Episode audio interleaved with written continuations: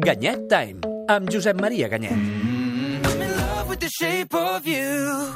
Molt contenta de saludar aquesta nit a un home que ho sap tot, Josep Maria Ganyet, què tal? Uh, tot? Bueno, si no, ho sé, si no ho sé, ho busquem a internet. Això En sí. tecnologia ho saps tot, i a més ets una de les persones que ja fa anys que ens parles. I avui, a veure, es titula la secció Ma mare era una computadora. Hmm. De què parlarem aquesta nit? Doncs de mares i de mares computadores, sí, sí. De dones? Sí, dones, de també? De, de dones, especialment Ah. dones computadores. A veure, si et pregunto què és una computadora, tu què em diries que és? Ah, una màquina que ens ajuda a treballar? Uh -huh. Sí, aquesta seria una de les definicions del diccionari. Calculador o calculadora, eh, que calcula, màquina capaç d'efectuar operacions aritmètiques i lògiques de manera més o menys automàtica. Això, fins aquí jo crec que hi arribaria tothom, no? Uh, però hi ha una altra excepció del diccionari que diu simplement que calcula. Què calcula? Sí, un calculador o un computador o computadora és alguna cosa o algú que calcula. Que calcula xifres? Sí, que, sí, que, que, que, que compute, fa, fa operacions aritmètiques, aplica la lògica per prendre decisions. O sigui, senzillament és alguna entitat que calcula. I aquesta és la, la descripció que a mi m'interessa més. Més que la de la màquina que ens ajuda a fer coses, m'interessa més aquest concepte més humà i humanista de computadora. Uh -huh. Llavors, si tu vas al diccionari i tires una mica més enrere i vas a un diccionari etimològic i busques el diccionari d'Oxford, eh, veus que computadora, de, des del 1640, 1640, segle XVII. 1640, segle XVII, la paraula computadora ha designat a persones. Uh -huh. Si fas números, veuràs que portem més anys utilitzant la paraula computadora per designar a una persona que calcule, que fa càlculs amb eh, ajut de taules, eh, aparells, aritmètica, eh? al segle XVII pocs ordinadors hi havia, poques màquines de calcular hi havia, doncs eh, portem molts anys, eh, el 1640 a Anglaterra, però, però al, a, a Catalunya mm, 1690 ja apareix. Per tant, una calculadora és una persona, una computadora, perdó, és una persona que fa càlculs.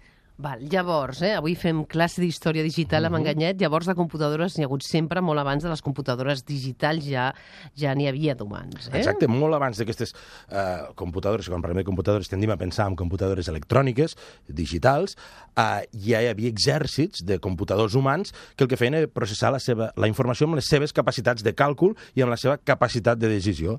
Eh? Una mica la revolució industrial, que el que feia era canviar els models productius mm. i econòmics i agafava el treball, el partia, el distribuïa, trencava feines molt complexes, el trencava amb feines eh, més fàcils i després n'ajuntava per obtindre un resultat. Això es feia amb els processos de càlcul. Eh? O sigui, sistematitzar diguéssim, el, la raó, la capacitat de raonar, eh? eh?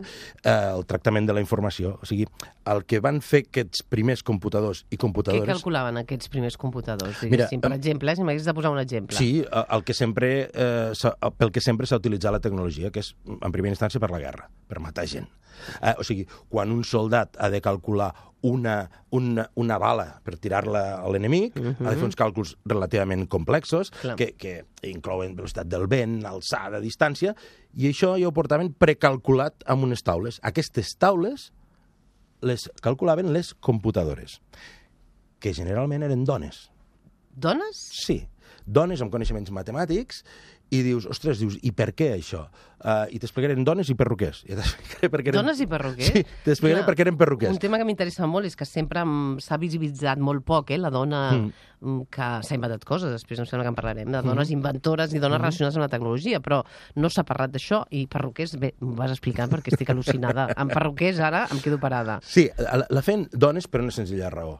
Uh, perquè uh, a l'època es pensava que tenien més paciència, o es, amb els estereotips de l'època, tenien més paciència, Ara també en tenim, eh, de més paciència, continua el mateix estereotip, les dones, sí? continua un altre, malauradament, que és que cobraven fins a una tercera part que els homes. Ah, I, per tant, era, diguéssim, eh, mà d'obra barata o, o, o cervell barat, en aquest cas, perquè fent càlculs complexos, i eh, allò que ara mesurem, la capacitat de càlcul, que la mesurem amb kilohertz o teraflops, eh, els supercomputadors, es mesurava, i no és broma, en noies per hora. O sigui, amb quilonoies hora. O sigui, quantes noies necessitaré per fer aquesta tasca?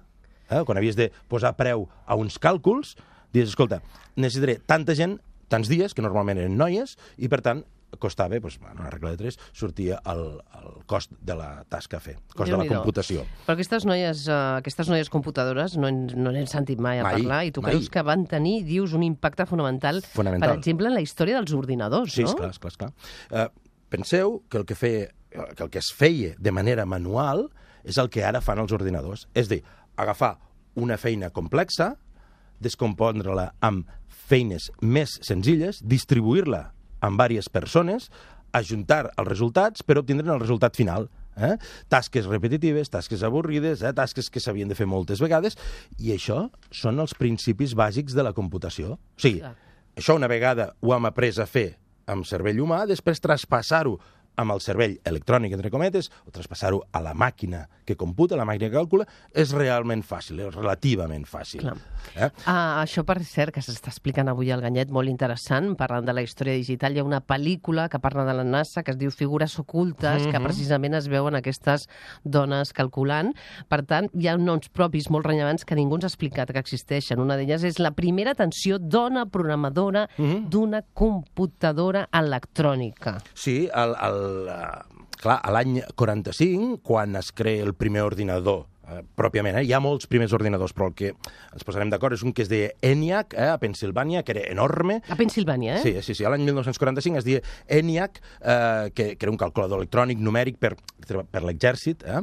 i, eh, clar, van dir, ostres, necessitem gent que programi això. Programar un ordinador d'aquella època no era com programar el vostre Mac ni el vostre mòbil. Programar... eh, Era en- difícil. En aquella època era difícil, havies de cablejar, havies de eh, conèixer l'estructura física de l'ordinador, era complicadíssim. Eh, I qui ho va fer? doncs les dones que ja treballaven fent aquells càlculs mm. manualment. Van dir, ostres, qui millor que la gent que ja està fent aquests càlculs ara a llapis i paper per eh, dir-li a la màquina com ha de fer els càlculs.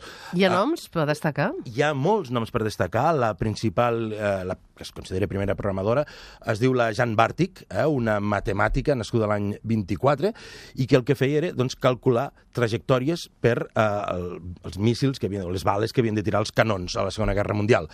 Eh, esclar, eh, eh, ella i cinc companyes més es van conèixer com les Sensational Six, les sis sensacionals Que bo. perquè eren boníssimes, uh -huh. perquè la feina que abans feien en tres dies l'aconseguien fer amb ajut de la màquina en tres hores, i, òbviament, això els va donar un avantatge, eh, de- després de la guerra i en la Guerra Freda, al, als, als americans. Per tant, um, molts sensacionals, però estem reivindicant, no? A l'època no van ser conegudes Gens. i fem bé avui reivindicant-les, explicant una història que jo crec que, que Ganyet no ha escoltat gaire gent, no? Perquè hi ha moltes dades que no sabíem. No, jo mateix, eh, quan a la facultat, el primer curs, les primeres setmanes t'expliquen eh, tot això, la importància de l'ENIAC o la importància de l'Alan Turing, eh, que n'han parlat molt, o fins i tot d'Ada Byron, la filla de Lord Byron, eh, com a gran impulsora del pensament computacional ja al segle XIX, no t'expliquen això, no arribes aquí. Et quedes amb, amb Eckhart i Mockley, que són dos grans enginyers, eh, els primer, el primer ordinador, el que es considera com a primer ordinador, però, escolta, de la Kathleen eh, Antonelli o de la Jane Bartik o de la Frances Holberton, de la Marilyn Meltzer, no te'n parla ningú. Que trist. Doncs escolta, avui hem volgut fer un homenatge a en Ganyet, em sembla molt bé, a dones científiques, tecnòlogues, enginyeres, matemàtiques, que han canviat la història de la computació i de les que no en sabien res. Per tant, com sempre, agraïda i que hagis fet aquesta secció avui al Revolució 4.0 de Catalunya Ràdio, donant visibilitat a les grans dones de la història. Per acabar, Ganyet. Convidaria a tothom a immergir-se en la història de les dones tecnòlogues, que hi ha grans històries des, de principi, des del segle XIX fins ara. Hi ha grans històries que estan per descobrir, són apassionants totes. Moltes gràcies, una abraçada. Molt bé.